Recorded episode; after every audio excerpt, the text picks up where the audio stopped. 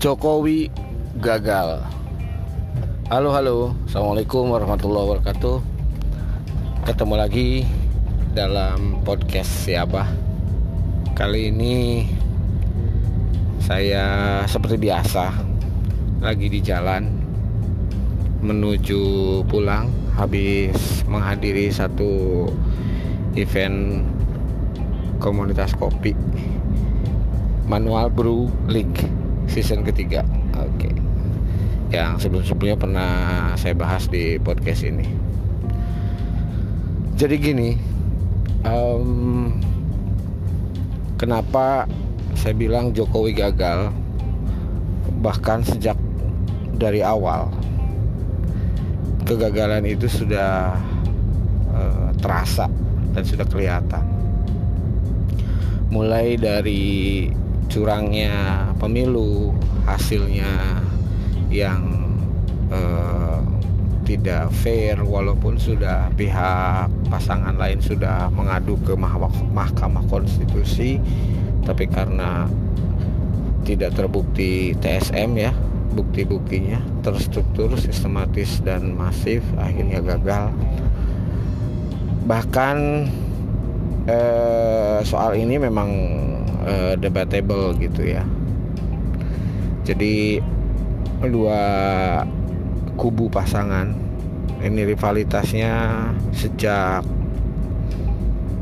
periode pertama Jokowi juga sudah terasa sampai dengan sekarang periode kedua artinya kebenaran di pengadilan bukanlah kebenaran yang mutlak sebetulnya karena kembali di pengadilan adalah yang dibutuhkan adalah bukti-bukti yang kuat yang sesuai dengan uh, undang-undang gitu. Artinya kalau misalkan memang kita punya bukti kecurangan tapi memang tidak memenuhi unsur TSM itu ya apa boleh buat. Sekalipun itu nyata di depan mata ya tidak akan pernah dimenangkan di pengadilan. Karena pengadilan punya aturan yang menganut undang-undang tersendiri. Ya tidak disalahkan juga gitu. Jadi keje, eh, kejelian masing-masing pasangan memilih lawyer ataupun apa namanya tuh hmm, mengumpulkan bukti-bukti. Jokowi gagal menurut saya banyak uh, setelah uh, polemik kecurangan pemilu kemudian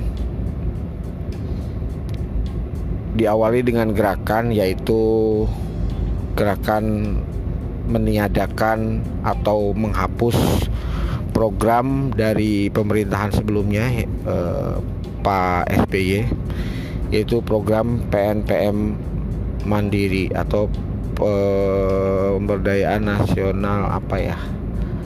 Itulah program nasional pemberdayaan masyarakat mandiri yaitu. Di mana kurang lebih ya 10 tahun yang lalu saya adalah salah satu stakeholder di program itu.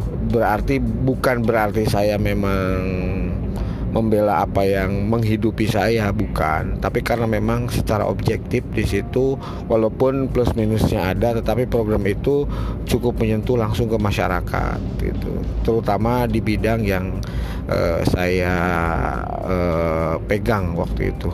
Di pemberdayaan masyarakat petani dalam hal ini adalah uh, pemberdayaan lembaga keuangan mikro agribisnisnya itu di masa Jokowi langsung dihilangkan. Padahal kalau misalkan memang kita mau mensukseskan sebuah program negara yang mewujudkan masyarakat adil dan makmur, masyarakat Indonesia seutuhnya dan seluruhnya, menurut hemat saya tidak perlu ada cut off program seperti itu. Artinya setiap program kembali dikaji gitu.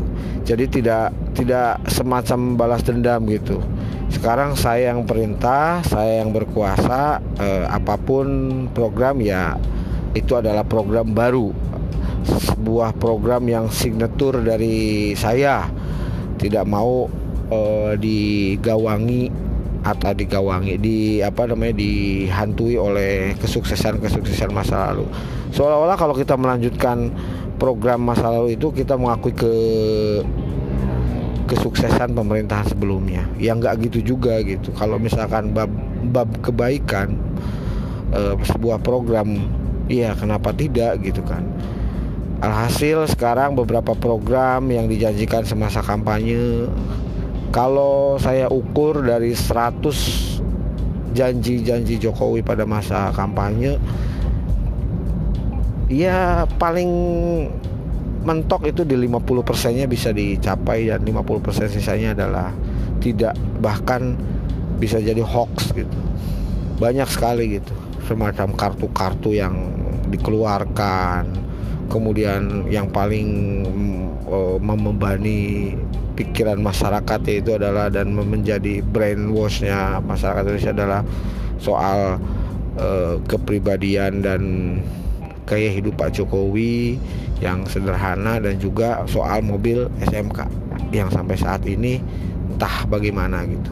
Yang jelas saya kurang lebih lima tahun kuliah di Solo. Terakhir kali saya ke Jogja mampir ke Solo kebetulan di belakang kampus itu adalah lokasi Solo Technopark yang katanya tempat pe perakitan SMK dan di situ sudah bangunan sudah tidak terurus bahkan satpam pun yang ada mungkin hanya satpam gitu.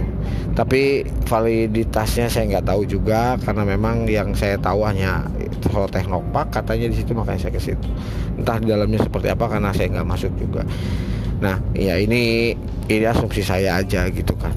Nah ke sininya semakin fail adalah ketika masa corona. Pandemi ini menjadi sebuah citra yang jelas buat masyarakat terhadap rezim ini. Penguasa atau pemerintahan yang berkuasa saat ini jelas tidak mampu mengelola isu bahkan mengkoordinasikan soal pandemi ini mulai dari awal-awal corona menerjang masyarakat di dunia sekitar bulan Desember di Wuhan bahkan ketika sudah masuk ke Asia Tenggara bulan Januari atau Februari itu para elit-elit politik dan para menteri masih bercanda soal corona. Yang bilang corona itu tidak akan mempan ke orang Indonesia karena orang Indonesia suhu di Indonesia panas kemudian cuacanya ya cuacanya panas kemudian uh, karena uh, suka makan nasi kucing lah apa segala macam itu menjadi guyonan kemudian sampai benar-benar corona melanda di Indonesia masih mereka guyon dengan Kementerian Pertanian mengeluarkan mengeluarkan kalung corona dan lain sebagainya. Saya ingat awal-awal corona masker surgery mask itu menjadi langka dan harganya berlipat ganda. Itu adalah e, sebuah upaya pencegahan menggunakan masker itu. Tapi kemudian e, diganti uh, banyak orang yang memakai masker kain gitu ya yang membuat masker kain asal-asalan ya kain yang dijahit sendiri oleh ibu-ibu itu tidak disarankan oleh pemerintah tetap kalau bisa menggunakan surgery mask akhirnya yang yang akhirnya langka di pasaran. Kemudian menetapkan protokol kesehatan social distancing, physical distancing, rajin mencuci tangan dan uh, memakai masker. Ke sini yang digaungkan, yang dipromot oleh pemerintah justru hanya satu, hanya memakai masker. Dan boleh pakai masker kain. Kemudian masker scuba dilarang. Padahal dulu Pak Presiden Jokowi pun ketika berkunjung pakai masker yang model scuba itu. Artinya isu seperti ini menjadi nggak jelas ke kanan ke kiri. Saya yakin orang-orang pintar di Indonesia baik itu tenaga kesehatan maupun orang-orang ilmuwan sudah paham akan hal ini tapi kenapa kok yang dulunya boleh jadinya tidak boleh yang dulunya tidak boleh jadinya boleh itu padahal kalau isu tentang kesehatan ini secara akademis dan secara intelektual itu ya kalau satu ya satu gitu. Tidak bisa menjadi satu eh, setengah gitu. Atau bahkan jadi dua gitu. Nah kondisi sekarang ya seperti itu. Protokol kesehatan memang tetap sama tapi yang dipromotkan sekarang hanya ayo gunakan masker ayo gunakan masker. Yang dirazia oleh aparat hanya masker. Tetapi social distancing, physical distancing di beberapa tempat masih tidak dihiraukan, tidak dirazia dengan sungguh-sungguh gitu. Dan didenda dan lain sebagainya yang terkena razia bukannya diberi satu box masker atau apa gitu razia itu yang tahu untuk apa uang razia uang dendanya. Artinya saya cukup kecewa dengan pemerintahan saat ini. Walaupun saya tidak memilih mereka berdua pada Pilpres dua periode kemarin. Tapi sebagai warga negara, saya punya suara tentang hal ini. Tapi saya juga salut terhadap pemerintahan yang sekarang yang mampu mengelola isu-isu yang sifatnya melanggengkan kekuasaan mereka. Terima kasih. Assalamualaikum warahmatullahi wabarakatuh.